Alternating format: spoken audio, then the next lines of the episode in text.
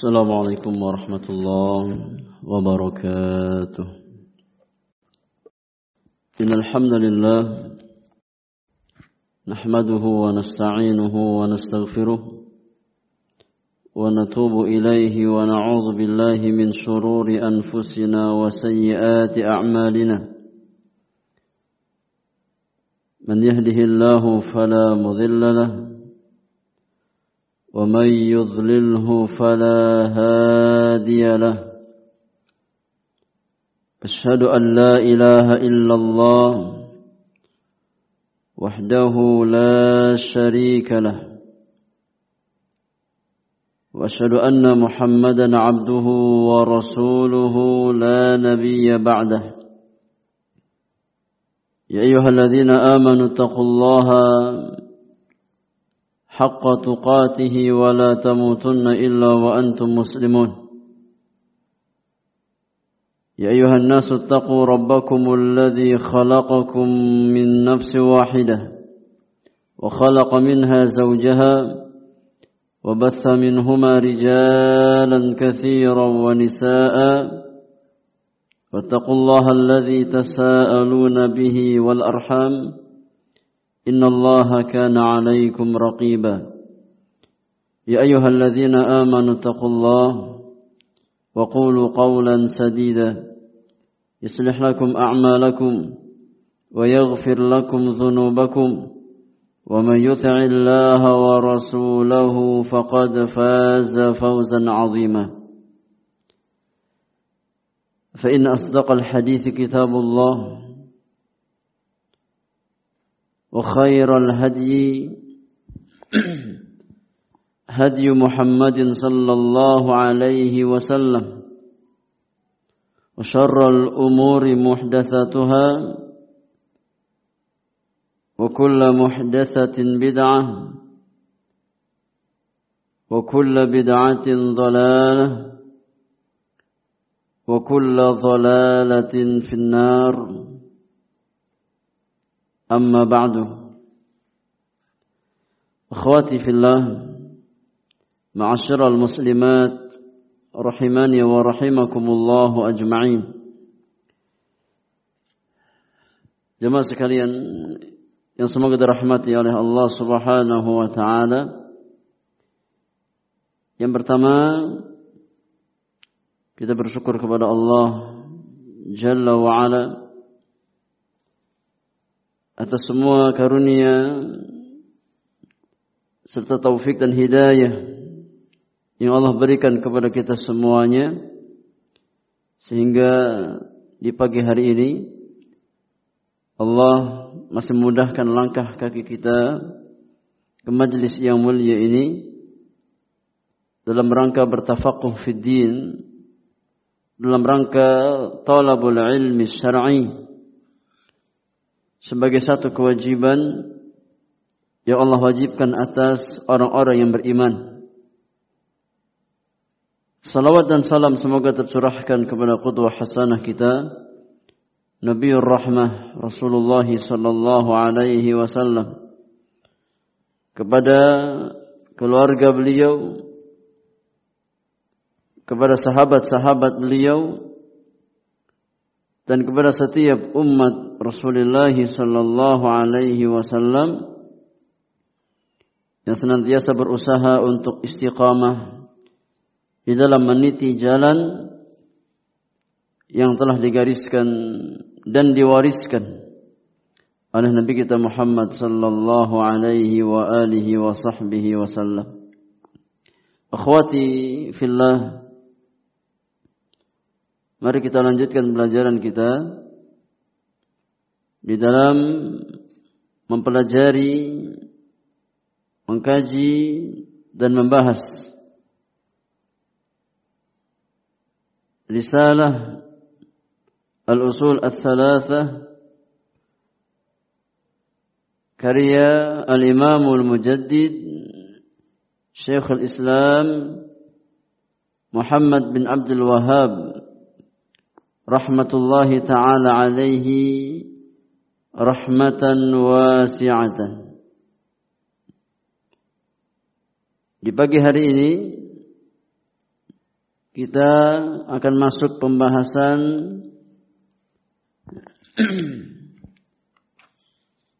Al-martabah ats-tsaniyah tingkatan yang kedua dari maratibuddin tingkatan-tingkatan agama. Telah kita jelaskan di pertemuan-pertemuan yang lalu Al-martabatul ula tingkatan yang pertama dari tingkatan-tingkatan agama yaitu martabatul Islam, tingkatan yang bernama al-Islam. Sudah kita syarahkan bahwasanya Islam itu terdiri dari lima rukun. Islam dibangun di atas lima rukun. Dua kalimat syahadat, kemudian salat, kemudian zakat, kemudian siamu Ramadan dan yang kelima adalah berhaji ke Baitullahil Haram. Itu lima rukun Islam. Lima rukun Islam. Tapi kita masuk al-martabah tsaniyah. Berkata penulis rahimahullahu taala al-iman Tingkatan agama yang kedua yaitu tingkatan al-iman. Tingkatan keimanan. Ya. Al-iman. Wa huwa bid'un wa sab'una syu'batan. Dan iman itu memiliki 70 sekian syu'bah. Ya. Syu'bah artinya cabang. Iman memiliki 70 sekian cabang. Kata bid'un di dalam bahasa Arab huruf ba, dhad, kemudian ain. Bid'un, ba, dhad, kemudian ain. Kata bid'un dalam bahasa Arab adalah sebuah kata yang digunakan untuk mengungkapkan bilangan ya tiga sampai sembilan tiga sampai sembilan. Ya. Jadi ada kemungkinan ya tiga sampai sembilan. Itu namanya bid'un. Ya. tujuh puluh sekian cabang yakni ada ihtimal, ada kemungkinan antara 73 sampai 79 cabang keimanan. Itu makna bid'un. Ya. Jadi kata bid'un sekali lagi adalah satu kata yang digunakan untuk yakni menjelaskan bilangan antara tiga sampai sembilan. Maka perkataan penulis wa huwa bid'un wa sab'una syu'batan iman itu terdiri dari tujuh puluh sekian cabang. Ya tujuh puluh sekian cabang keimanan. Maksudnya antara 73 sampai 79 cabang iman. Fa'alaha qawlu la ilaha illallah. Maka syu'bah iman yang paling tinggi, cabang keimanan yang paling tinggi adalah kalimat tauhid la ilaha illallah. Ini cabang iman yang paling tinggi. Ya, kalimat tauhid la ilaha illallah wa adnaha imatatul adza tariq sedangkan cabang iman yang paling rendah adalah menyingkirkan gangguan dari jalan. Tatkala seseorang menyingkirkan gangguan ya dari jalan ya, imma duri, imma paku, imma apa kaca atau yang lain yang berpotensi untuk mengganggu orang yang lewat di jalan tersebut maka itu tanda bahwasanya dia adalah orang yang beriman ya itu tanda ya bahwasanya dia orang yang yang beriman karena itu di antara karakter iman di antara cabang-cabang keimanan menyingkirkan gangguan dari jalan. Wa adnaha imatatul adza 'anit tariq. Ya, kalau seandainya menyingkirkan gangguan itu bagian dari cabang keimanan, ya, maka menyengaja untuk meletakkan gangguan di tengah jalan, ya, yang dilintasi oleh manusia maka itu termasuk cabang kekufuran kata para ulama. Ya. Termasuk cabang perbuatan dosa dan maksiat kepada Allah Subhanahu wa taala. Orang-orang beriman ya kewajiban dia adalah menyingkirkan gangguan dari jalan ya itu tanda seseorang beriman. Maka tatkala ada seseorang yang menyengaja ya untuk meletakkan gangguan dari apa di tengah jalan yang dilewati oleh manusia maka ini merupakan perkara yang bertentangan dengan yakni cabang keimanan. Ya dan lawan dari cabang keimanan adalah cabang kekufuran ya perbuatan dosa dan maksiat kepada Allah Subhanahu wa taala. Kemudian kata penulis wal haya'u syu'batun minal iman. Ya wal haya'u syu'batun minal iman. Dan rasa malu merupakan salah satu di antara cabang keimanan. Rasa malu ya itu merupakan satu di antara cabang-cabang keimanan rasa malu yang benar yang membawa seorang hamba untuk meninggalkan perkara-perkara yang tidak baik. Ya, perkara-perkara yang sifatnya dosa dan maksiat dia tinggalkan. Ya, karena hayaknya, karena rasa malunya. Ya, maka itu di antara cabang keimanan. Ya, di antara tanda bahwasannya seseorang beriman kepada Allah Subhanahu wa taala. Maka seorang mukmin, seorang mukminah ya dia merasa malu dari perkara-perkara yang kurang baik. Dari perkara-perkara yang sifatnya yang melanggar norma agama. Melanggar batasan-batasan Allah Subhanahu wa taala. Ya. Dan rasa malu ini perhiasan seorang mukmin dan mukminah ya karena kalau seandainya seseorang gak lagi memiliki rasa malu sudah dicabut rasa malu dari dalam hatinya maka dia akan berbuat sekehendaknya, memperturutkan hawa nafsunya wal billah.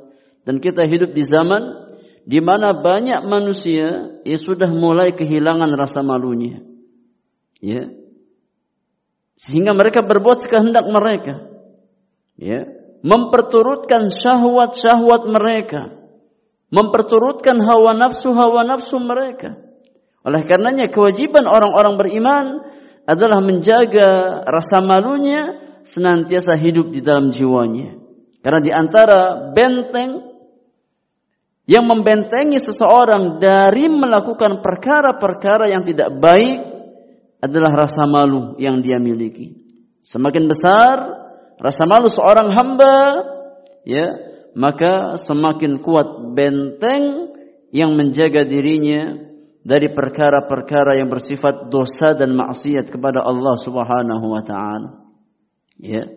Maka rasa malu itu di antara cabang ya, cabang keimanan kepada Allah Subhanahu Subhanahu wa taala. Hadis yang mulia apa atau penjelasan penulis ini ya, penjelasan penulis ini terambil dari hadis Rasulullah sallallahu alaihi wasallam. Ya, terambil dari hadis Rasulullah sallallahu alaihi wasallam ya dalam hadis Muslim di mana Nabi yang mulia alaihi salatu wasallam bersabda Al-imanu bid'un wa sab'una syu'batan. Kata Nabi yang mulia iman itu 70 sekian cabang. Ya 70 sekian cabang. A'laha qawlu la ilaha illallah. Cabang iman yang paling tinggi adalah kalimat la ilaha illallah. Kalimat tauhid yang dengannya Allah Subhanahu wa taala menciptakan jin dan manusia.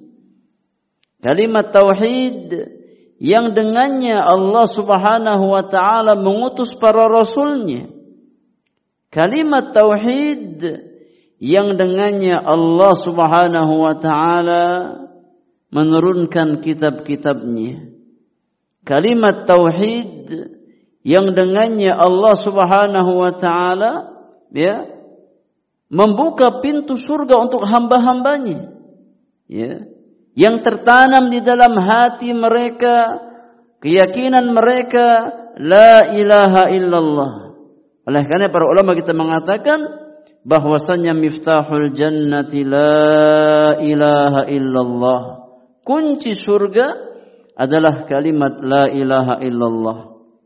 Karena tidak mungkin seorang hamba akan diperkenankan masuk ke dalam jannah ke dalam surga Allah Subhanahu wa taala melainkan seorang hamba yang tertanam di dalam hatinya keyakinan bahwasanya tidak ada ilah yang hak kecuali Allah Subhanahu wa taala. Maka kalimat ini akhwati fillah hendaknya ya yang menjadi motivasi kita untuk terus istiqamah di atas jalan-jalan kebaikan, di atas jalan-jalan ilmu yang bermanfaat dan amal saleh. Dan hendaknya ya menjadi motivasi bagi kita untuk senantiasa minta kesabatan, minta keistiqomahan ya di atas agama Allah Subhanahu wa taala di atas nikmat tauhid, di atas nikmat iman dan nikmat Islam. Karena ini modal keselamatan kita.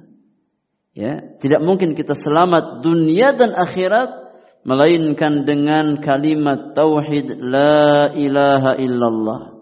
Maka cabang iman yang paling tinggi kata Nabi adalah kalimat la ilaha illallah wa adnaha imatatul adza 'anit tariq dan cabang iman yang paling rendah adalah menyingkirkan gangguan dari jalan ya dari jalan yang dilewati oleh manusia siapa pun dia ya kemudian kata Nabi yang mulia alaihi salatu wasalam wal haya'u syu'batun minal iman dan rasa malu itu merupakan satu di antara cabang-cabang keimanan.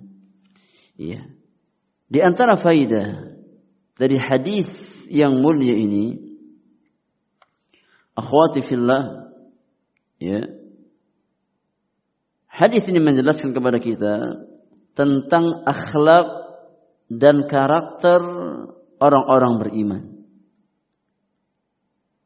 bahwasanya di antara karakter seorang mukmin yang sejati yang dia senantiasa berjalan di bawah bimbingan Al-Qur'an dan sunnah Rasulullah sallallahu alaihi wasallam maka di antara karakternya adalah ya karakter berusaha untuk memberikan kemaslahatan bagi umat manusia. Berusaha untuk memberikan manfaat bagi orang lain. Dan juga berusaha ya untuk tidak menyakiti orang lain. Tidak menimbulkan kemudaratan bagi orang lain. Nah, ini karakter seorang mukmin dan seorang mukminah yang hendaknya ada dalam jiwa-jiwa mukminah. Kita harus berusaha menjadi pribadi yang bermanfaat bagi umat manusia. Menjadi pribadi yang bermanfaat bagi orang lain. Dan kita berusaha menahan diri ya dari perkara-perkara yang bisa menyakiti orang lain atau bisa memudaratkan orang lain. Maka banyak keterangan dalam hadis Rasulullah sallallahu alaihi wasallam yang menjelaskan karakter ini. Ya, yakni karakter memberikan manfaat dan menahan diri dari perkara yang mudarat. Ini karakter seorang mukmin dan mukminah. Rasulullah sallallahu alaihi wasallam bersabda, "Al-muslimu man salima al-muslimuna min lisanihi wa yadihi." Al-muslim seorang muslim itu kata Nabi man salimal muslimun adalah orang-orang ya yang kaum muslimin itu selamat dari keburukan lisannya dan dari keburukan tangannya. Dia menjaga diri untuk tidak menyakiti orang lain dengan lisannya atau dengan anggota badannya. Nah, itu seorang muslim yang hakiki. Yang berusaha untuk tidak menyakiti orang lain. Baik dengan lisannya ataupun dengan anggota badannya.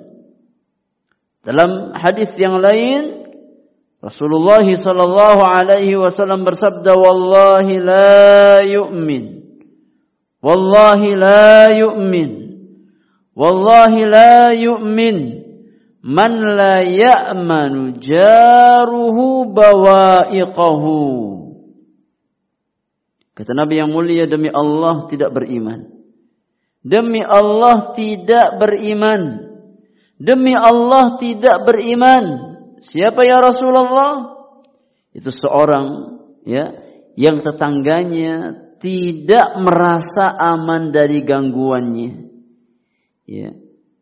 Orang yang senantiasa mengganggu tetangganya, baik dengan ya lisannya atau dengan anggota badannya, maka dinafikan dari keimanan kepada Allah tabaraka wa taala oleh Nabi kita Muhammad sallallahu alaihi wasallam yang menunjukkan bahwasannya karakter seorang mukmin adalah bukan orang yang menimbulkan mudarat bagi orang lain, justru sebaliknya.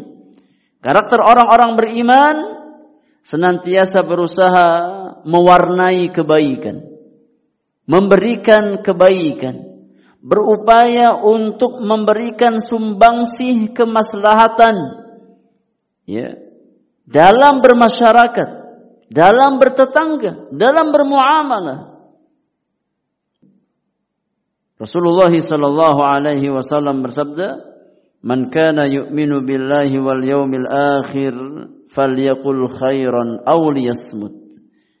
Barang siapa yang beriman kepada Allah dan hari akhir, hendaknya dia berucap yang baik atau diam. Jangan ucapkan keburukan.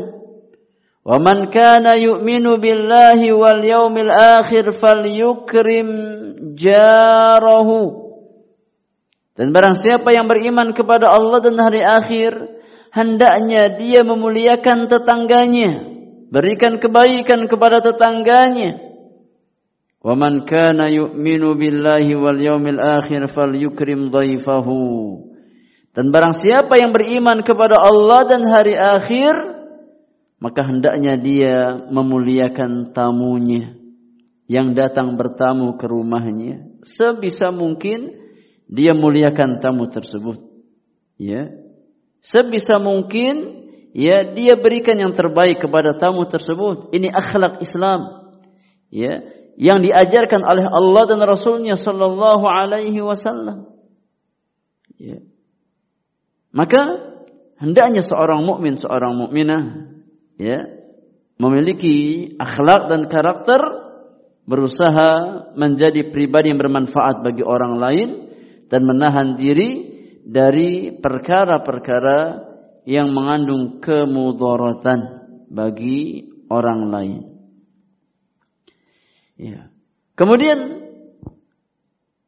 makna wal haya'u syu'batun minal iman. Ya, al haya rasa malu itu merupakan cabang di antara cabang-cabang keimanan. Ya, kata para ulama, wa huwa khuluqun rafi'un yab'atsu ala fi'lil khairi wajtinabil qabih. Rasa malu itu merupakan akhlak yang sangat tinggi. Ya. Rasa malu merupakan akhlak yang sangat tinggi. Yang mana rasa malu tersebut ya menjadi pendorong bagi seseorang untuk mengerjakan kebaikan dan menjauhi segala macam keburukan. Jadi rasa malu itu pendorong ya seseorang untuk mengerjakan kebaikan dan menjauhi segala macam keburukan. Dan akhwati fillah ya rasa malu itu salah satu akhlak yang sangat agung. Ya, salah satu akhlak yang sangat agung.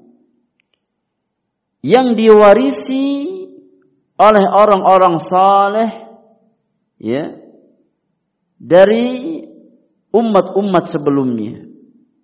Ya. Karena di antara karakter kesolihan seseorang itu tingginya rasa malu. Ya. Dari berbuat hal-hal yang tidak baik. Dan rasa malu ini diwarisi ya, dari satu generasi ke generasi berikutnya. Di antara generasi orang-orang yang saleh yang taat kepada Allah Subhanahu wa taala. Apa dalilnya? Dalilnya hadis Rasulullah sallallahu alaihi wasallam dari jalan ya Abi Mas'ud Al-Ansari radhiyallahu taala anhu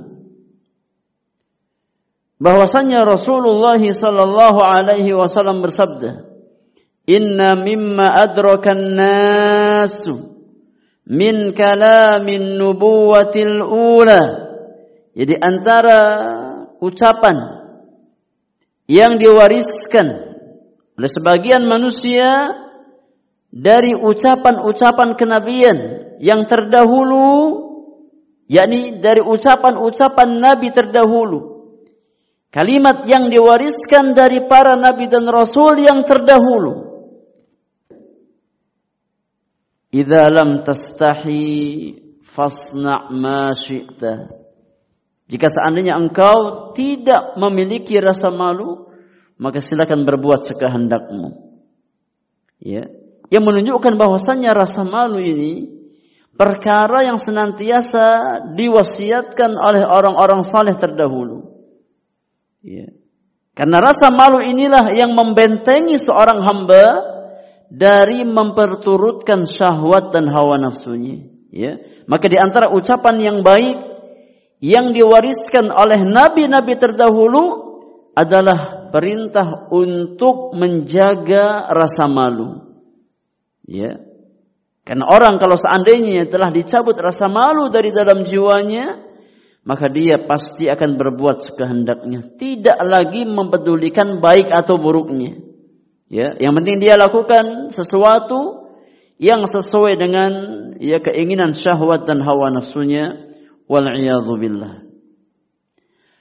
Kemudian kata penulis wa arkanuhu sittatun dan rukun iman itu ada lima.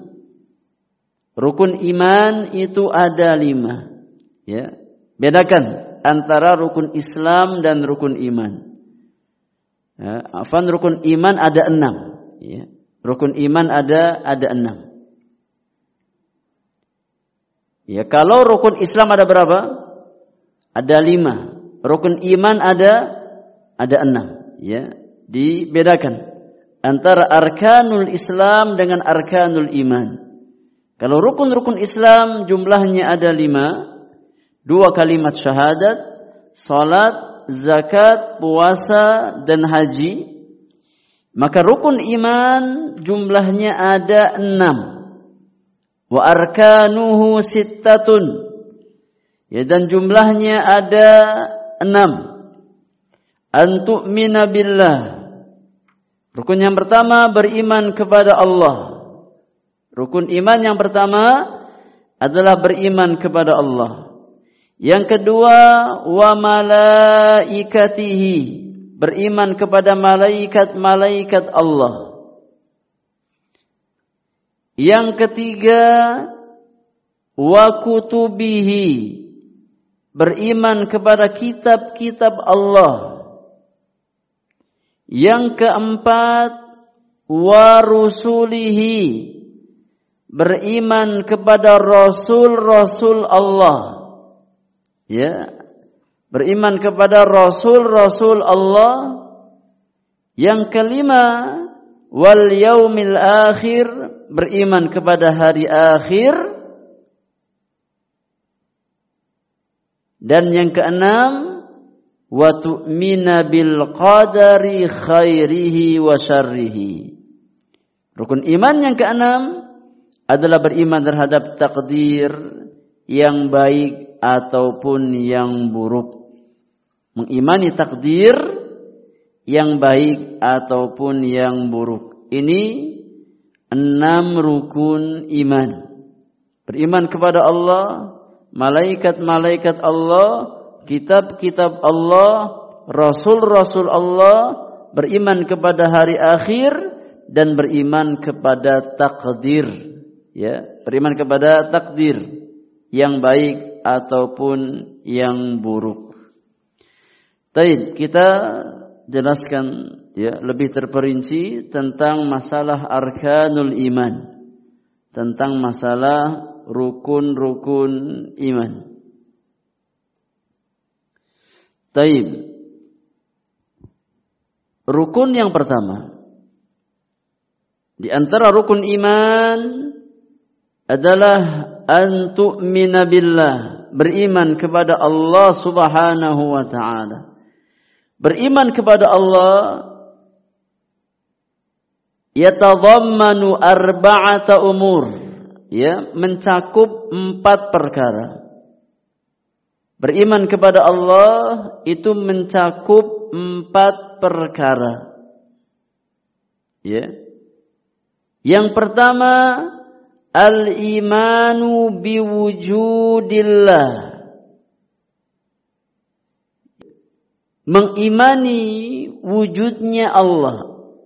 Ini mengimani keberadaan Allah subhanahu wa ta'ala.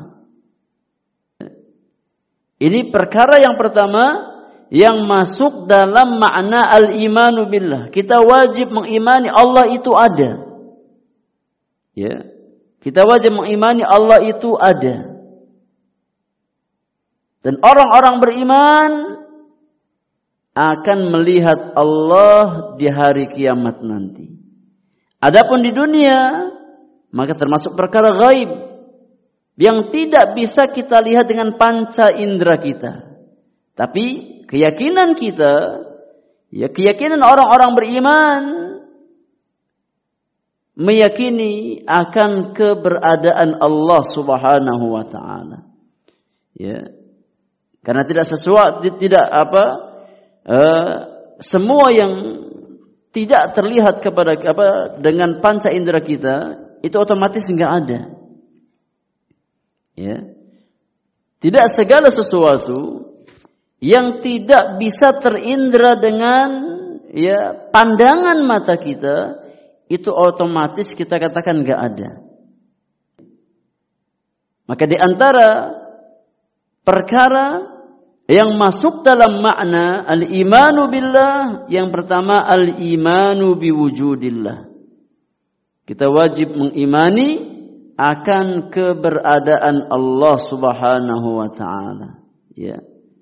Bukan seperti orang-orang ateis yang tidak mengimani adanya Tuhan. Nauzubillahi min dzalik. Ya.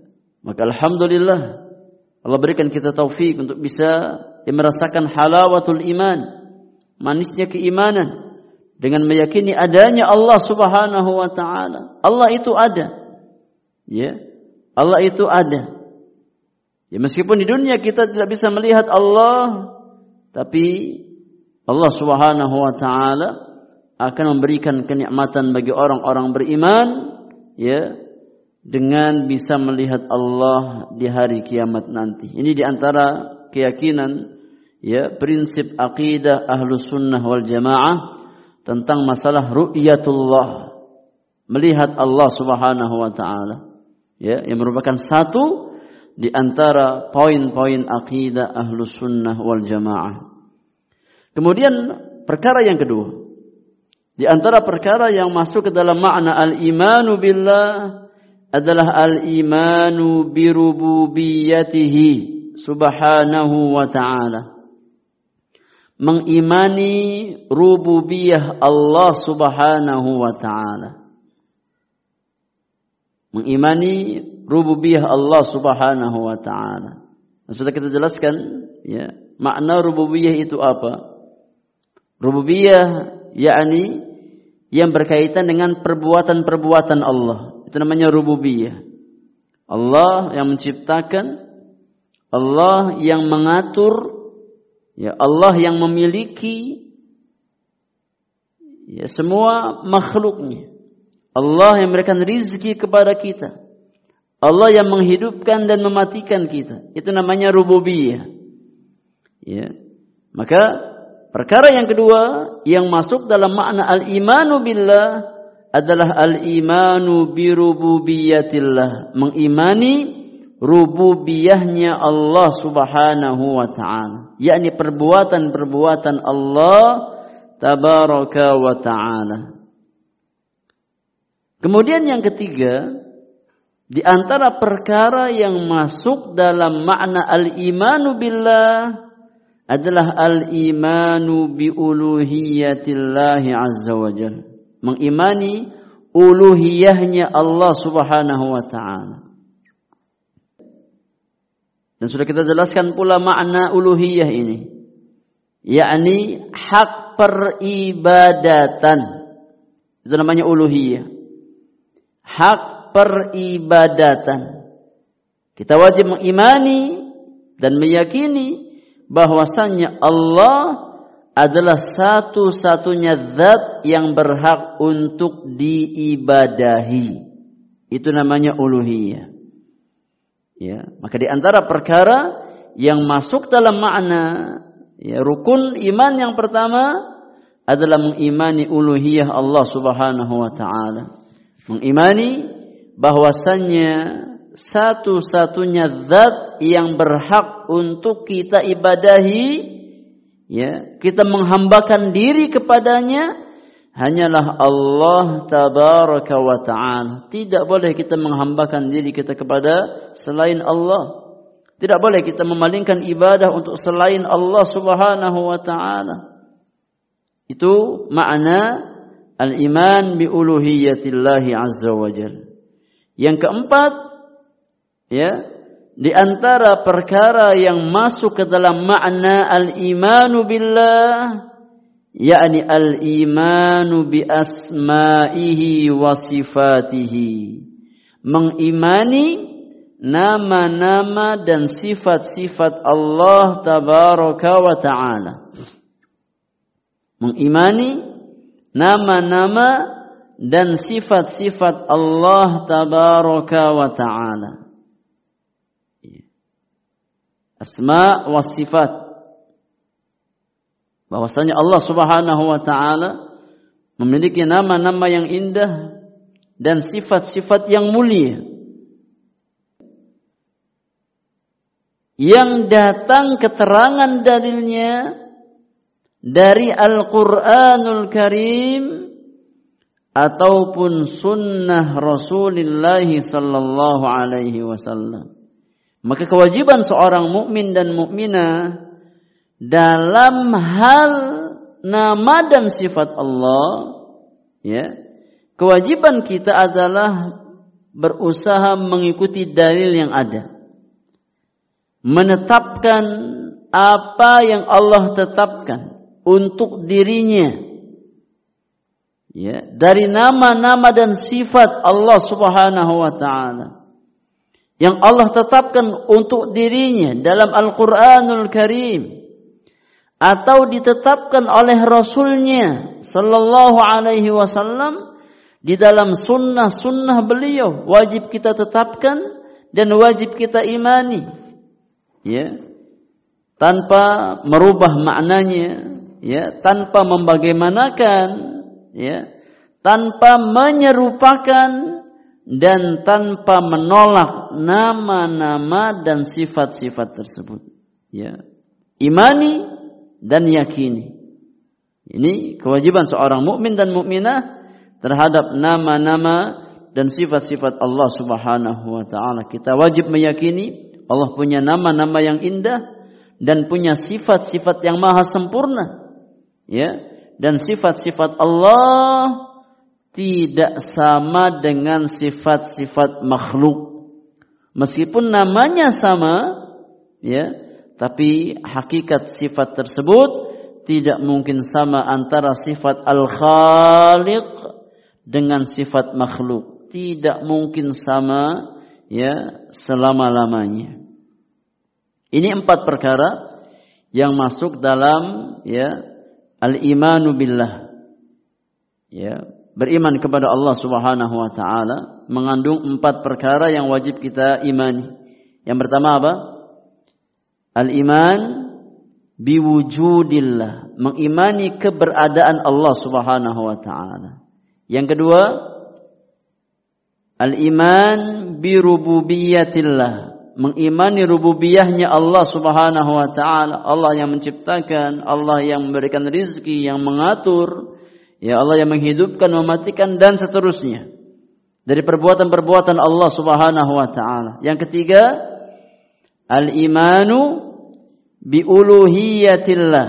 Mengimani uluhiyah Allah Subhanahu wa taala. Mengimani bahwasannya satu-satunya zat yang berhak untuk diibadahi, disembah hanyalah Allah tabaraka wa taala. Yang keempat, Al-imanu bi asma'ihi wa sifatihi. Mengimani nama-nama dan sifat-sifat Allah tabaraka wa ta'ala. Mengimani nama-nama dan sifat-sifat Allah tabaraka wa ta'ala. Allah memiliki nama-nama yang indah dan sifat-sifat yang maha mulia, yang maha sempurna yang tidak sama dengan sifat-sifat makhluknya. Baik, kemudian rukun iman yang kedua, apa tadi Ibu? Beriman kepada malaikat-malaikat Allah. Rukun iman yang kedua, al-imanu ya bimalaikatihi. Mengimani malaikat-malaikat Allah Subhanahu wa taala. Siapa itu malaikat? Siapa itu malaikat? Malaikat Allah Subhanahu wa taala. Kata para ulama, al malaikatu alamun ghaibiyyun. Khalaqahumullahu taala min nurin abiduna lillahi ta'ala la ya'suna ma amarahum wa yaf'aluna ma yu'marun. Malaikat itu ya alam ghaib, alamun ghaibiyun, alam ghaib. Yani satu di antara makhluk ghaib. Ya alam ghaib. Yang diciptakan oleh Allah Subhanahu wa taala min nur dari cahaya. Ya, dari cahaya. Itu karakter malaikat. Ya. Bahwasanya bahan dasar penciptaan malaikat itu dari cahaya. Sedangkan bahan bakar atau bahan dasar penciptaan manusia dari apa? Dari tanah liat. Ya, maka masing-masing makhluk diciptakan oleh Allah Subhanahu wa taala ya dengan yakni bahan dasar yang berbeda-beda, beraneka ragam dengan hikmah yang Allah inginkan. Ya, kalau manusia terbuat dari tanah liat, ya kalau malaikat terbuat dari cahaya, ya, sedangkan jin itu terbuat dari api. Ya, bahan bakarnya terbuat dari dari api. Maka malaikat adalah alam gaib, alam gaib yang diciptakan oleh Allah dari cahaya. Abiduna lillahi ta'ala. Ya. mereka senantiasa menghambakan diri kepada Allah. Senantiasa ya menghambakan diri-diri mereka kepada Allah Subhanahu wa taala.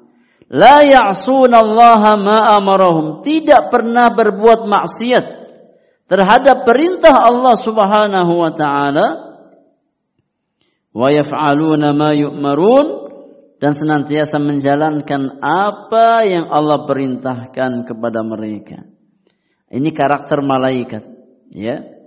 Malaikat itu nggak pernah bermaksiat kepada Allah Subhanahu wa taala. Senantiasa taat dan patuh terhadap ya perintah-perintah Allah Subhanahu wa taala. Apa yang Allah perintahkan kepada mereka, maka mereka kerjakan. Ya, tidak pernah bermaksiat kepada Allah Subhanahu wa taala. Ya. Karena memang malaikat tidak dibekali oleh Allah Subhanahu wa taala dengan syahwat dan hawa nafsu. Ya, jadi jiwa mereka jiwa yang condong kepada ketaatan kepada Allah Subhanahu wa taala. Karena malaikat nggak punya hawa nafsu. Beda dengan manusia, ya. Yang dibekali oleh Allah hawa nafsu. Ya. Maka kita lebih condong kepada hawa nafsu tersebut. Kecuali orang-orang yang dirahmati oleh Allah Subhanahu wa taala. Oleh karenanya ya yakni tatkala sebagian sahabat Rasulullah sallallahu alaihi wasallam ya Hamdalah ya mendatangi Nabi sallallahu alaihi wasallam dan berkata kepada Nabi, "Ya Rasulullah, nafaqa Hanzalah." Ya Rasulullah, Hanzalah ini ya terkena penyakit kemunafikan. Hanzalah terkena penyakit kemunafikan ya Rasulullah. Kata Nabi, "Ada apa engkau wahai Hanzalah?" Kenapa sampai berucap seperti itu? Ya Rasulullah, kata Hanzalah, "Aku ini tatkala duduk di hadapan engkau bermajlis, ya, di hadapan engkau ya Rasulullah, ya seolah-olah kita ini ya fokus mengejar akhirat. Di hadapan kita ada surga dan neraka Allah Subhanahu wa taala. Namun tatkala kami kembali ke rumah-rumah kami ya Rasulullah, kami kembali ke yakni kebun-kebun kami seolah-olah lupa itu akhirat. Ya sibuk dengan dunia kami lagi. Sibuk dengan anak istri, sibuk dengan apa? Dengan yakni sawah-sawah kami dengan ladang-ladang kami. Seolah-olah apa yang kami rasakan tatkala duduk di majlis itu hilang ya Rasulullah. Ya. Tatkala kami kembali kepada dunia kami. Ya. Kata Nabi yang mulia alaihi salatu wassalam, wahai Hanzalah, ya. Lau annakum tadumuna kalau seandainya ya kalian itu senantiasa dawam. Kondisi kalian gak berubah sebagaimana tatkala kalian bermajlis denganku, ya, la safahatkumul malaikah ala turuqikum. Maka niscaya malaikat akan menjabat tangan-tangan kalian. Jadi kalau seandainya kondisi kalian itu ya, konstan, nggak berubah, keimanan kalian nggak naik turun, ya kalau begitu kalian sama dengan malaikat. Malaikat akan menjabat ya, tangan-tangan kalian. Kalau seandainya seseorang imannya ya yakni nggak mengalami perubahan ya maka bukan lagi level manusia tapi malaikat Allah Subhanahu wa taala walakin sa'atan sa'atan tapi ada saatnya wahai hamba ada saatnya kita mencari kehidupan akhirat ada saatnya kita ya untuk kehidupan dunia Ya, karena itu karakter manusia. Karakter manusia. Ya. Maka di sini ya dalil menunjukkan bahwasannya karakter malaikat itu tidak pernah berubah. Senantiasa di atas jalan ketaatan kepada Allah Subhanahu wa taala. Adapun manusia ya, maka sangat rentan untuk bermaksiat kepada Allah Subhanahu wa taala. Kenapa? Karena ya manusia dibekali dengan hawa nafsu. Oleh karenanya ya sebagai benteng untuk apa membentengi kita dari memperturutkan hawa nafsu kita ya adalah kita berusaha untuk meniti jalan manusia-manusia terbaik dari kalangan para nabi dan rasul yang berusaha untuk senantiasa istiqamah di atas jalan ketaatan kepada Allah ya dan membentengi hawa nafsu kita dari perkara-perkara yang tidak dihalalkan oleh Allah Subhanahu wa taala. Itu pengertian malaikat. Jadi malaikat itu alam gaib. Ya. Makhluk mereka itu makhluk. Diciptakan oleh Allah Subhanahu wa taala dari cahaya. Mereka senantiasa beribadah kepada Allah. Tidak pernah bermaksiat kepada Allah Subhanahu wa taala. Ya, dan senantiasa melakukan apa yang Allah perintahkan kepada mereka. Ya. Berapa jumlah malaikat Allah Subhanahu wa taala? Ya. Berapa jumlah malaikat Allah Subhanahu wa taala? Kata para ulama, la ya'lamu 'adada al-malaikah illallah subhanahu wa ta'ala. Tidak ada yang tahu secara pasti berapa banyak jumlah malaikat kecuali zat yang menciptakan mereka. Saking banyaknya. Ya. Saking banyaknya jumlah malaikat, maka nggak ada yang tahu berapa jumlah malaikat itu kecuali Allah Subhanahu wa taala. Hanya Allah yang tahu berapa jumlah para para malaikatnya. Ya. Di antara dalil yang menunjukkan bahwasannya tidak ada yang tahu berapa jumlah malaikat kecuali Allah Subhanahu wa taala. Dalil yang pertama adalah hadis atau firman Allah Subhanahu wa taala di dalam surat Al-Mudaththir ayat yang ke-31. Al-Mudaththir ayat yang ke-31. Allah Subhanahu wa taala berfirman, "Wa ma ya'lamu junuda rabbika illa huwa." Dan tidak ada yang mengetahui secara pasti ya, tentara-tentara Rabbmu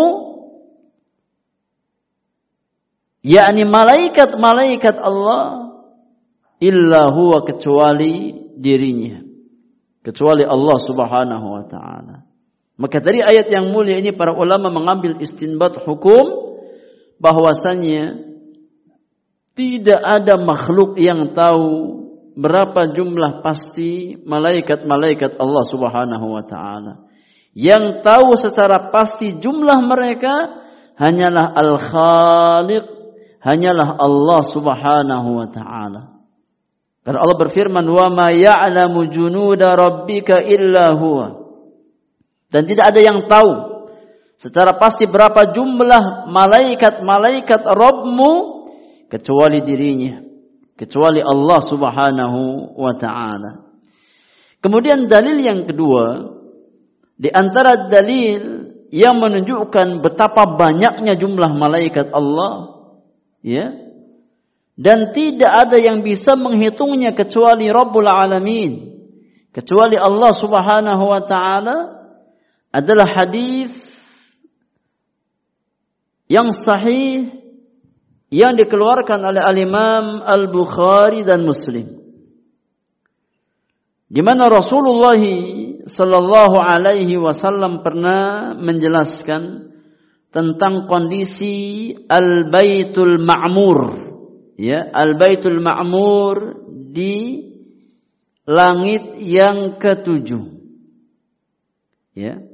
Yang mana Baitul Ma'mur ini menjadi ya tempat tawafnya para malaikat-malaikat Allah. Ya, di langit yang ketujuh. Rasulullah sallallahu alaihi wasallam bersabda, "Innal baital ma'mura fis sama'is sabi'ah. Ya, sesungguhnya Baitul Ma'mur itu ada di langit yang ketujuh. Ya, Baitul Ma'mur itu di langit yang ketujuh. Hiyal al-Ka'bah. ya yang sejajar dengan posisi Ka'bah. Yazuruhu kulla yaumin sab'una alfa malakin. Yang mana Baitul Ma'mur itu setiap harinya ya dikunjungi oleh 70 ribu malaikat. Ya, setiap hari dikunjungi oleh 70 ribu malaikat.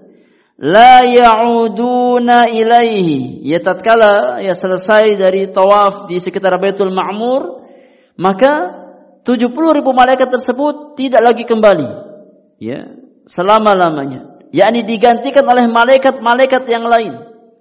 Ya selesai mereka yakni bertawaf di Baitul Ma'mur ya maka digantikan oleh 70 ribu malaikat yang lain. Terus berlangsung sampai hari kiamat nanti. Ya. Maka ini di antara dalil yang menunjukkan bahwasanya jumlah mereka itu sangat banyak. Ya bayangkan, ya apa sehari 70 ribu malaikat yang bertawaf di sekitar Baitul Ma'mur. Selesai tawaf mereka apa? Ya pergi dan tidak kembali digantikan oleh malaikat-malaikat yang lain sebanyak 70 ribu malaikat setiap harinya. Ya.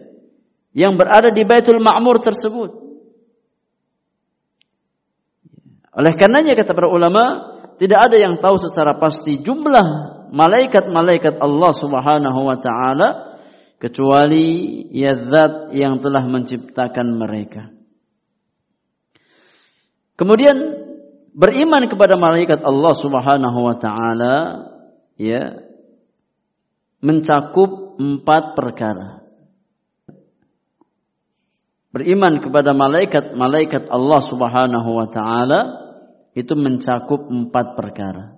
Ya ada empat hal yang wajib kita yakini berkaitan dengan rukun iman yang kedua. Al-imanu bil malaikah. Beriman terhadap malaikat-malaikat Allah Subhanahu wa taala. Ya, Poin yang pertama di antara makna al-imanu bil malaikah adalah al-imanu biwujudihim. Mengimani wujud-wujud mereka. Ya mengimani wujud-wujud mereka. Mereka itu ada. Ya meskipun mereka alam gaib ya tidak kasat mata, gak bisa kita pandang dengan mata-mata kita, ya, kecuali dengan izin Allah Subhanahu wa taala.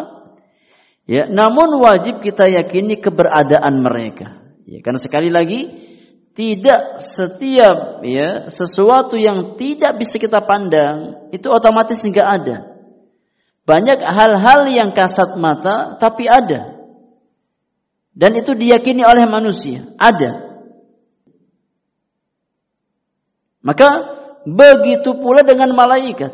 Meskipun para malaikat tidak kasat mata, tidak bisa kita indra ya dengan panca indra kita, tapi kita wajib meyakini keberadaan mereka. Karena ini di antara konsekuensi iman kepada Allah Subhanahu wa taala. Beriman kepada malaikat-malaikat Allah tabaraka wa taala. Ya. Maka poin yang pertama, yang masuk dalam makna al-imanu bil malaika adalah mengimani wujud-wujud mereka. Mengimani keberadaan mereka. Ya. Kemudian poin yang kedua, di antara perkara yang wajib kita imani berkaitan dengan iman kepada malaikat adalah al-imanu bismin atau bismi man alimna ismahu kita wajib mengimani ya nama-nama malaikat yang dikabarkan oleh Allah dan Rasulnya Sallallahu Alaihi Wasallam. Ya, kita wajib mengimani nama-nama malaikat yang datang kabarnya dari Allah dan Rasulnya dalam Al-Quran dan Sunnah. Ya, maka malaikat-malaikat yang dikabarkan namanya secara spesifik, secara terperinci, wajib kita imani nama-nama tersebut. Wa man lam yu'lam ismuhu fal imanu bihi ijmalan. Ya, adapun malaikat-malaikat yang tidak kita ketahui namanya, maka cukup kita imani secara global, secara umum. Ya. Malaikat-malaikat yang tidak dijelaskan namanya, ya kita cukup imani secara secara global. Tapi ada malaikat-malaikat yang datang penjelasan namanya dalam nas Al-Quran dan Sunnah. Ya, maka malaikat-malaikat yang disebutkan namanya dalam Al-Quran dan Sunnah wajib kita yakini dan wajib kita imani nama-nama tersebut. Ya, seperti apa? Seperti malaikat Jibril. Ya, datang dalam banyak nas Al-Quran.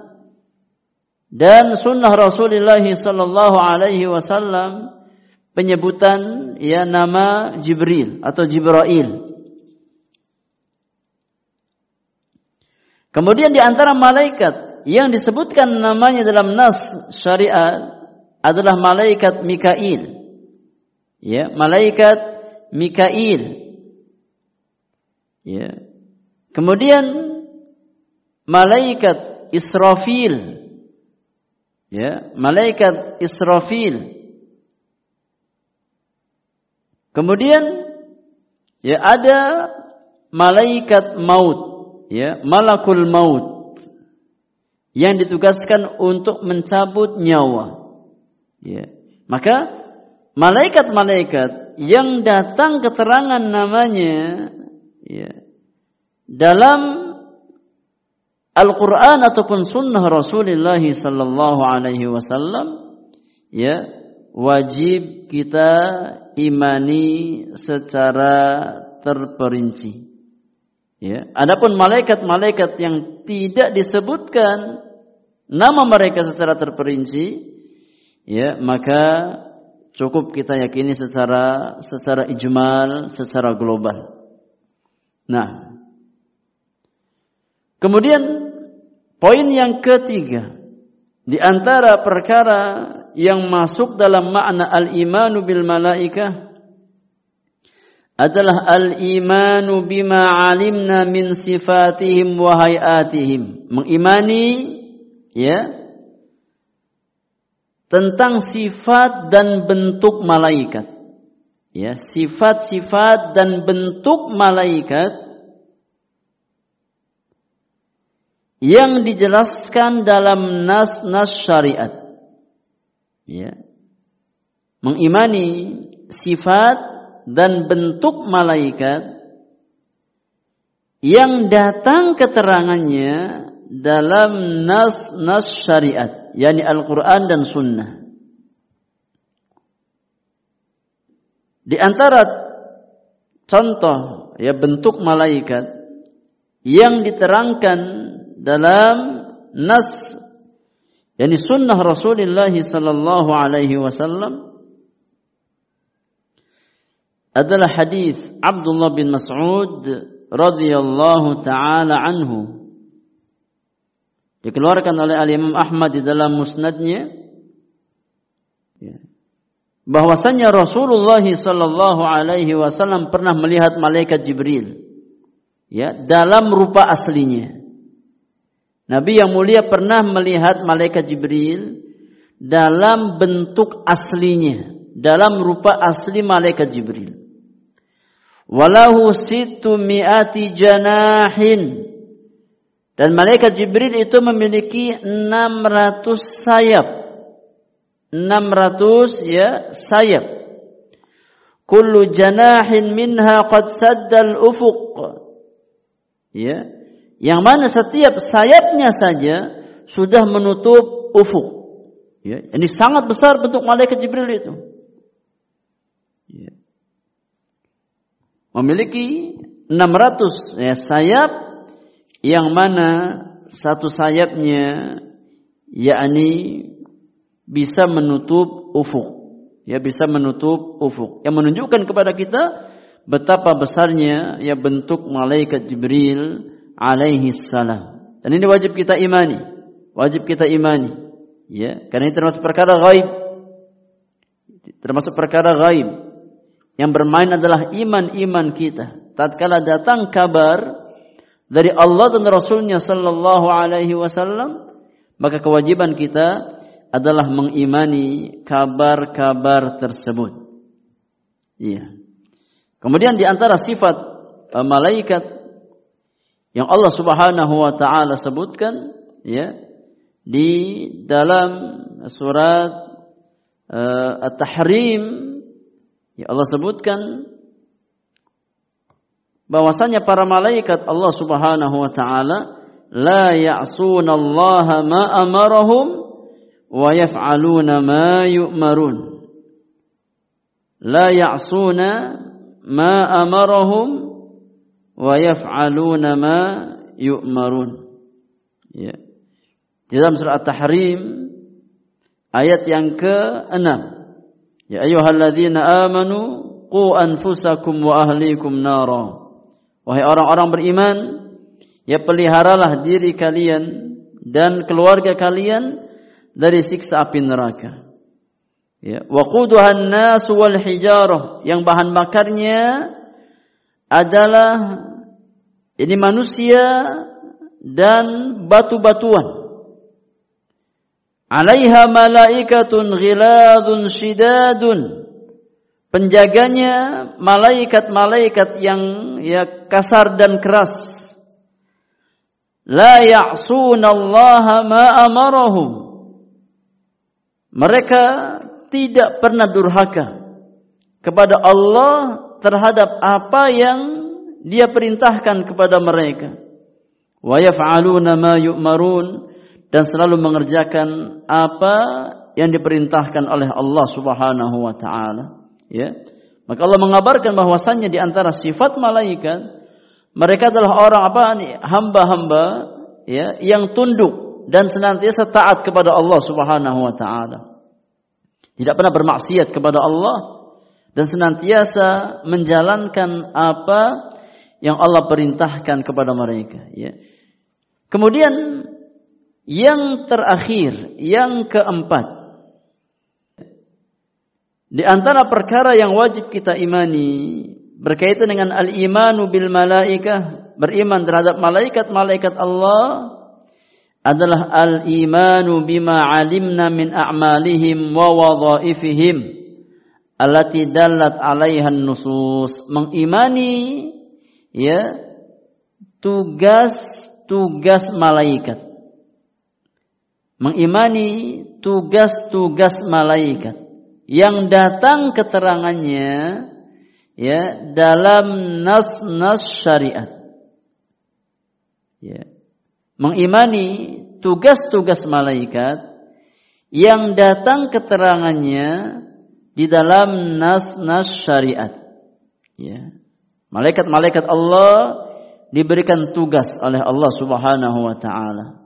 Ya, diberikan tugas oleh Allah Subhanahu wa taala dan masing-masing ya berbeda tugasnya sesuai dengan apa yang Allah perintahkan kepada kepada mereka.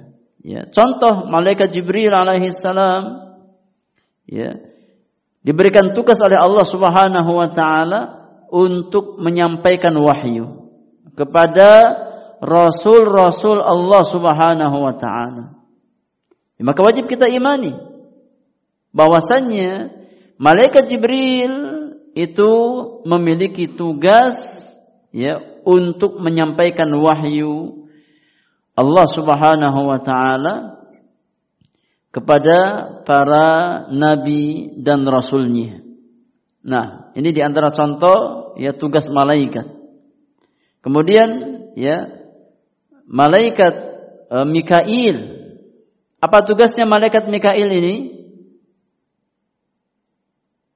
Malaikat Mikail itu ditugaskan oleh Allah Subhanahu wa taala untuk menurunkan hujan dan menumbuhkan ya tumbuh-tumbuhan. Muwakkalun bil qatri wan nabat. Ya Mikail itu ditugaskan oleh Allah Subhanahu wa taala untuk menurunkan hujan dan menumbuhkan tumbuh-tumbuhan. Yaitu tugasnya malaikat Mikail. Ada malaikat namanya malaikat Israfil. Ya, malaikat Israfil. Apa tugasnya malaikat Israfil ini? Hah? Meniup sangkakala. An-nafkhu fis sur. Yang meniup sangkakala. Menunggu perintah Allah Subhanahu wa taala. Kalau seandainya sudah datang perintah Allah untuk meniup sangkakala, maka sangkakala tersebut akan ditiup oleh malaikat siapa? Israfil. Ya. Sebagai pertanda kehancuran dunia dan seisinya atau kehancuran alam semesta. Ya. Kemudian diperintahkan lagi untuk meniup sangkakala di kali yang kedua sebagai pertanda kebangkitan umat manusia untuk hari penghisaban amalan-amalan mereka. Ya. Maka malaikat Israfil disebutkan dalam nas Al-Qur'anul Karim bahwasanya beliau meniup sangkakala sebanyak dua kali. Tiupan sangkakala yang pertama untuk menghancurkan alam semesta. Ya. Sebagai pertanda tegaknya hari kiamat, terjadinya hari kiamat Ya selesai kehidupan dunia. Gak ada lagi kehidupan dunia. Kemudian tiupan yang kedua ya untuk membangkitkan manusia ya dari alam kuburnya untuk ya bangkit menghadap Rabbul Alamin dalam rangka penghisaban amalan-amalan mereka. Ada malaikat maut, malakul maut. Apa tugas mereka? Tugas mereka yakni mencabut nyawa. Ya. Ada hamalatul arsh. Ya malaikat hamalatul arsh. Malaikat ya pemikul arsh Allah Subhanahu wa taala. Tugasnya apa? Tugasnya memikul arsh Allah Subhanahu wa taala. Ada malaikat-malaikat yang Nabi kabarkan sayyarat senantiasa berkeliling di atas muka bumi. Ya, berkeliling di muka bumi ini mencari majelis-majelis ilmu. Ya, jadi tugasnya keliling mencari majelis-majelis ilmu. Tatkala sudah mendapatkan majelis ilmu maka turun ke majelis ilmu tersebut dan dia panggil teman-temannya ya untuk yakni datang ke majelis ilmu tersebut. Dan tugas-tugas yang lain yang sangat banyak. Ya.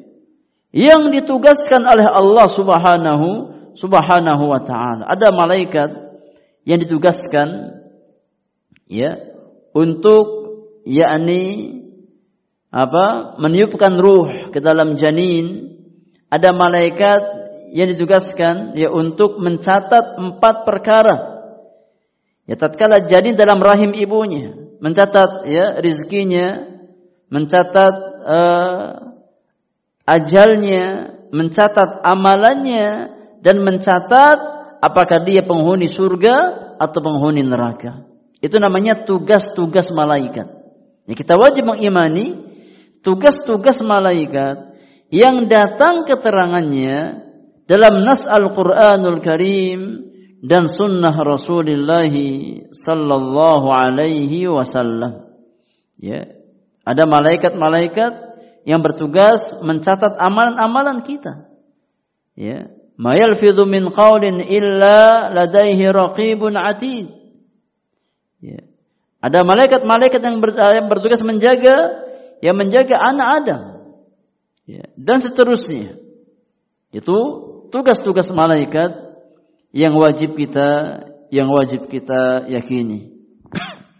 nah, sesuai dengan dalil yang datang dari Al-Qur'anul Karim dan sunnah Rasulullah sallallahu alaihi wa alihi wa sahbihi wasallam. Kemudian akhwati fillah a'azzakunallah ya. Poin terakhir yang kita bahas di kesempatan pagi hari ini berkaitan dengan al-imanu bil kutub. Al-imanu bil kutub. Ya, rukun iman yang ketiga Rukun iman yang ketiga. Al-imanu bil kutub.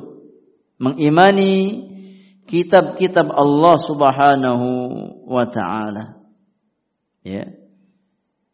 Mengimani kitab-kitab Allah Subhanahu wa taala. Yang dimaksudkan dengan al-kutub di sini kata para ulama al-muradu biha al-kutubus samawiyatu allati anzalaha Allah taala ala rusulihi hidayatan lil bashariyati wa rahmatan bihim liyasilu ila sa'adatid daraini. Apa yang dimaksud dengan beriman kepada kitab-kitab? Apa itu kitab-kitab?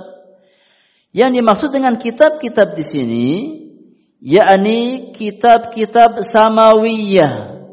Al-kutubus samawiyah. Kitab-kitab samawiyah, ya.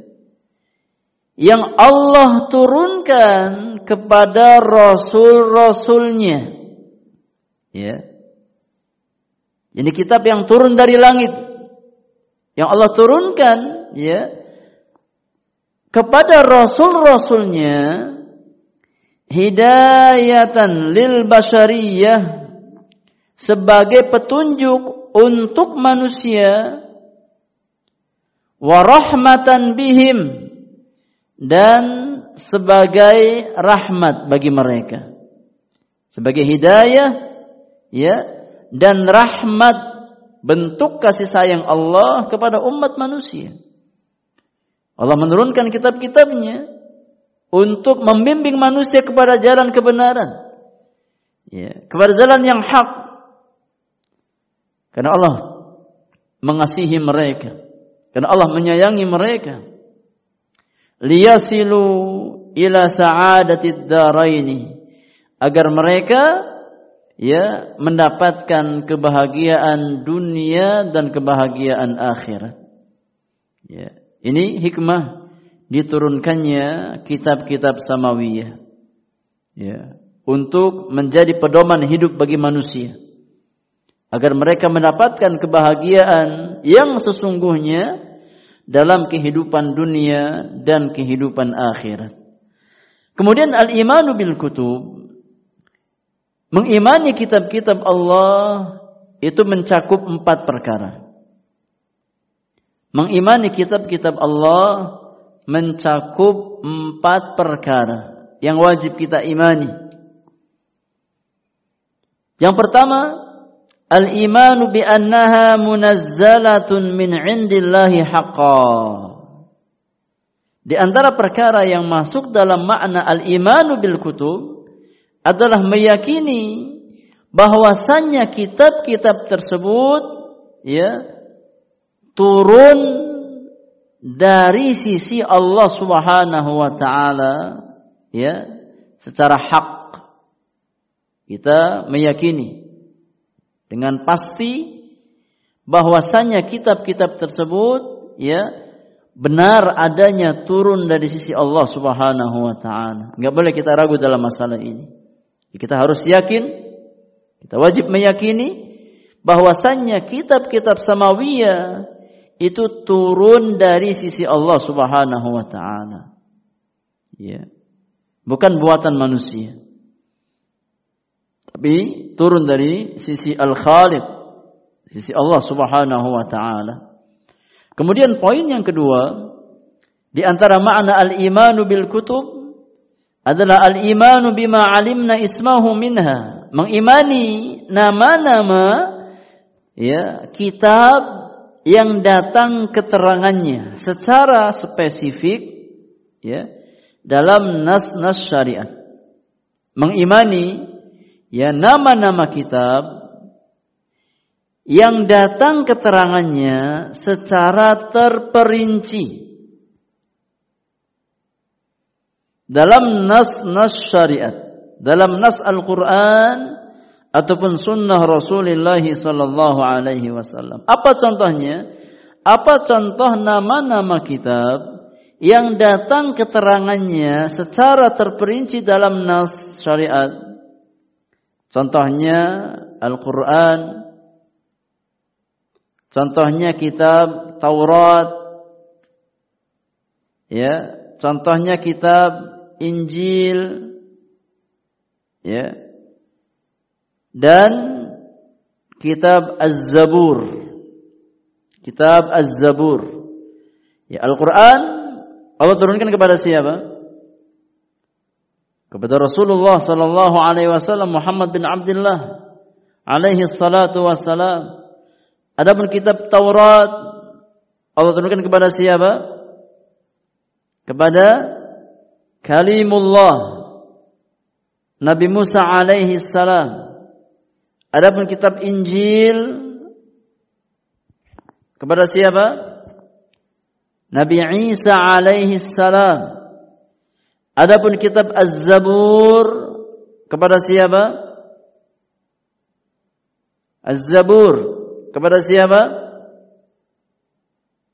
Nabi Nabi Dawud alaihi salam. Wa ataina Dawud zabura. Kata Allah Subhanahu wa taala dan kami berikan kepada Dawud jadi kitab Zabur. Ya. Jadi Az-Zabur itu kitab samawiyah yang Allah turunkan kepada Nabiullah Dawud alaihi salam untuk membimbing umatnya di atas siratal mustaqim. Wa amma ma la na'rifuhu minha fa nu'minu bihi ijmalan. Adapun ya kitab-kitab samawiyah yang tidak disebutkan namanya secara terperinci, maka kita yakini secara global, secara umum. Ya. Kitab-kitab samawiyah yang tidak disebutkan secara terperinci, maka cukup kita yakini secara secara umum. Kemudian yang ketiga, di antara poin Al-imanu bil kutub adalah at-tasdiqu bima sahha min akhbariha. Yaitu membenarkan kabar-kabar yang sahih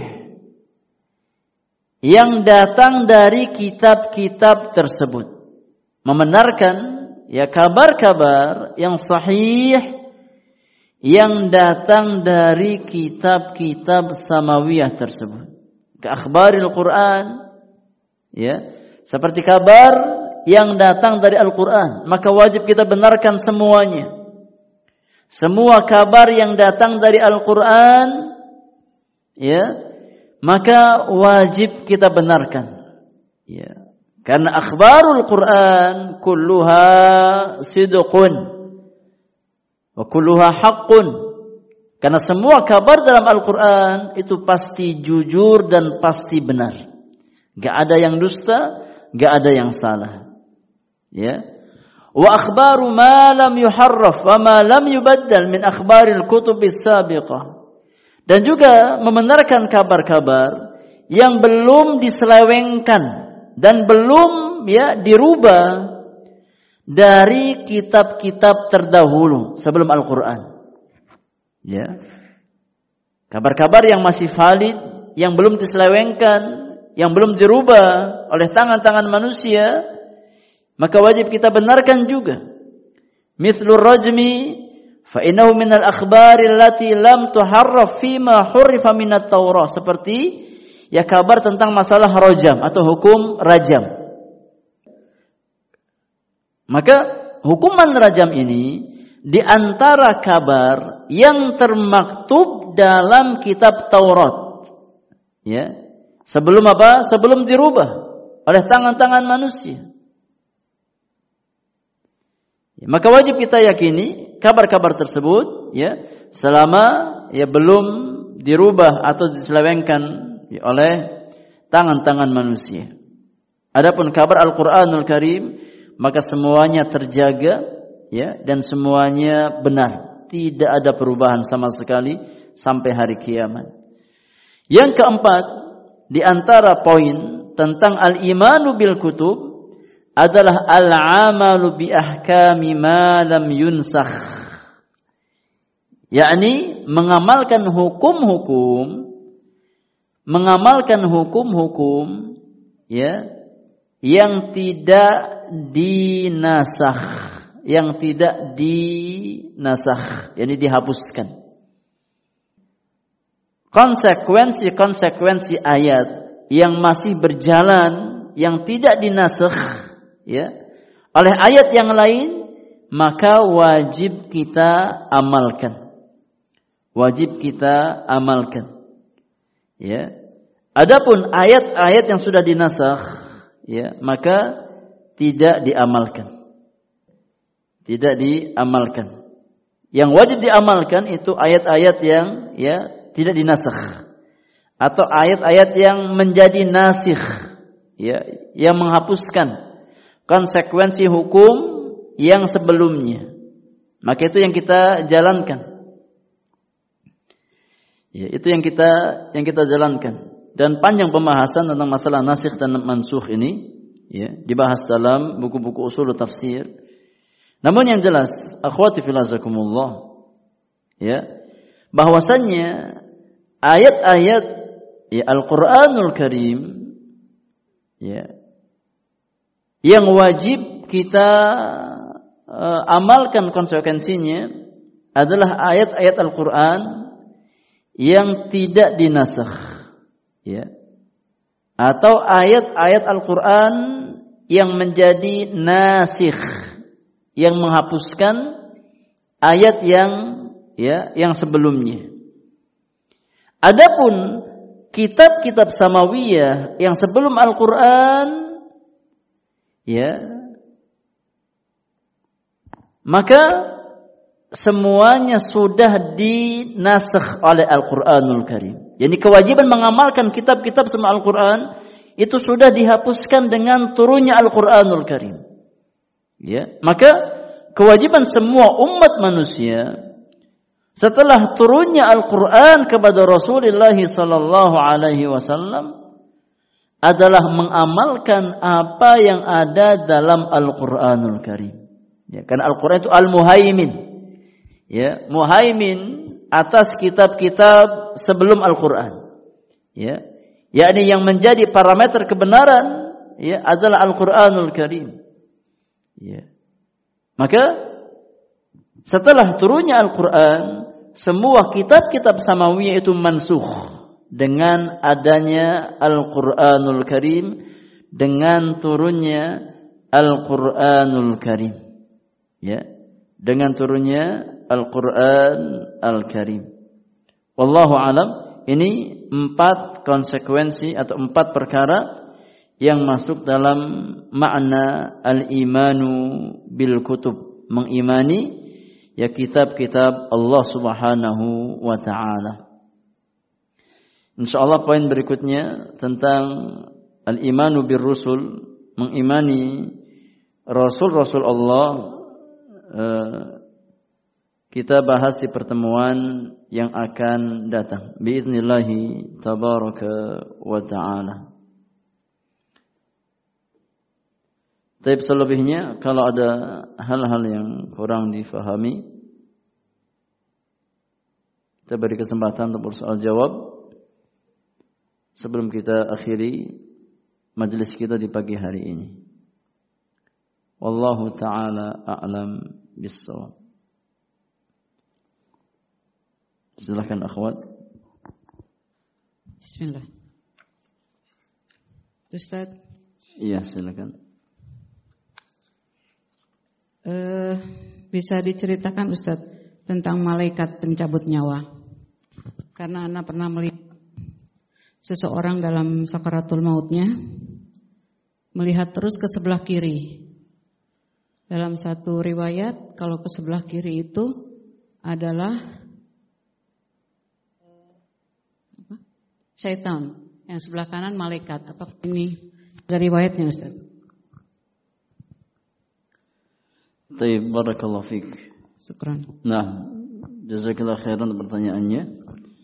Uh, saya belum pernah ya mendengar secara langsung atau membaca secara langsung perihal riwayat tersebut.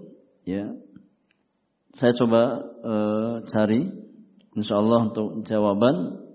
Uh, kalau sudah dapat, anda sampaikan di pertemuan yang akan datang. Apakah ada dalil yang sahih, ya riwayat yang sahihah perihal ya kondisi seseorang di akhir hayatnya tatkala dia dalam kondisi sakaratul maut ya tatkala dia melihat ke arah kiri berarti itu ada uh, melihat kepada syaitan, tatkala dia melihat ke arah kanan, ya berarti dia melihat ke apa malaikat. Ini termasuk perkara-perkara gaib, ya. Yang ya kita tidak boleh berbicara kecuali dengan dalil yang ada, ya, dengan dalil yang valid, dalil yang sahih yang yang ada, ya. Maka untuk e, menjawab pertanyaan anti uh, anda usahakan untuk mencari jawabannya dari asar ataupun hadis Rasulullah sallallahu alaihi wasallam. Insyaallah di pertemuan yang akan datang ana uh, coba infokan apa yang uh, ana usahakan dari mencari jawaban tersebut. Bismillah tabaraka wa taala. Barakallahu fiik. Ada yang lain? Cukup insya Allah Ustaz. Cukup ya. Baik. Eh, kalau begitu kita tasmi' untuk hafalan pekan ini. Kita tasmi' untuk hafalan pekan ini. طيب استمعنا ورددنا معي. استمعنا ورددنا معي. قال المؤلف رحمه الله تعالى ودليل الرغبة والرهبة والخشوع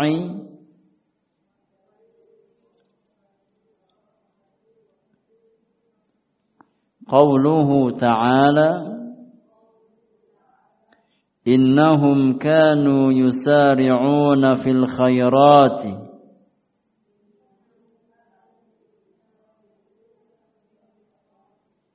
ويدعوننا رغبا ورهبا.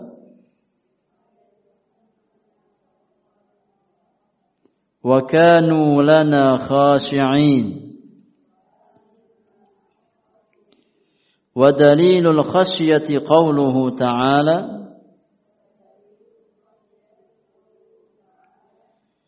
فلا تخشوهم واخشوني. ودليل الإنابة قوله تعالى وأنيبوا إلى ربكم وأسلموا له.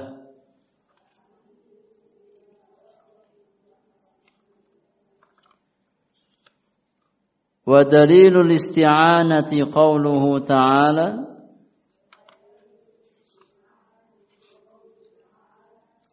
إياك نعبد وإياك نستعين.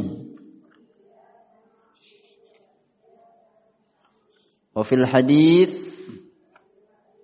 إذا استعنت فاستعن بالله. kurang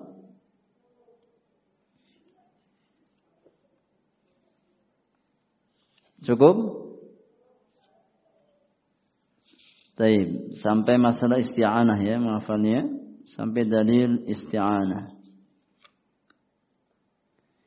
Taib, akhwati fillah usahakan untuk hafalan tetap dijaga ya. Tetap dijaga hafalan-hafalan sebelumnya tetap di murojaah ya, diulang-ulang terus dari awal sampai terakhir kita menghafalkan. Ya, nanti agenda kita, agenda kita kalau sudah menghafal sampai nazar, sampai al-aslul awal, ya insya Allah nanti kita minta untuk murojaah. Hafalan dari yang pertama, dari awal sampai nazar. Sampai akhir al-aslul awal. Jadi ada agenda murojaah. Hafalan secara keseluruhan dari yang pertama sampai nazar ya sampai akhir uh, al-aslul awal oleh karenanya usahakan hafalan yang sudah didapatkan dia terus dimurojah diulang-ulang agar ya tidak lepas hafalannya tidak hilang hafalannya Insyaallah sedikit lagi kita selesai al-aslul awal untuk menghafal ini. Pekan depan mungkin insya Allah kita selesaikan Ya, selebihnya nanti ada agenda murajaah hafalan ya dari i'lam rahimakallah sampai dalil tentang nazar sampai akhir al-aslul awal dalil tentang nazar. Taib, silakan dibaca dulu Ibu-ibu. Dibaca dulu bersama-sama uh, hafalan untuk pekan ini dari wadalilu ar-raghbati war-rahbati wal khusyu. Nah, تفضلنا قال المؤلف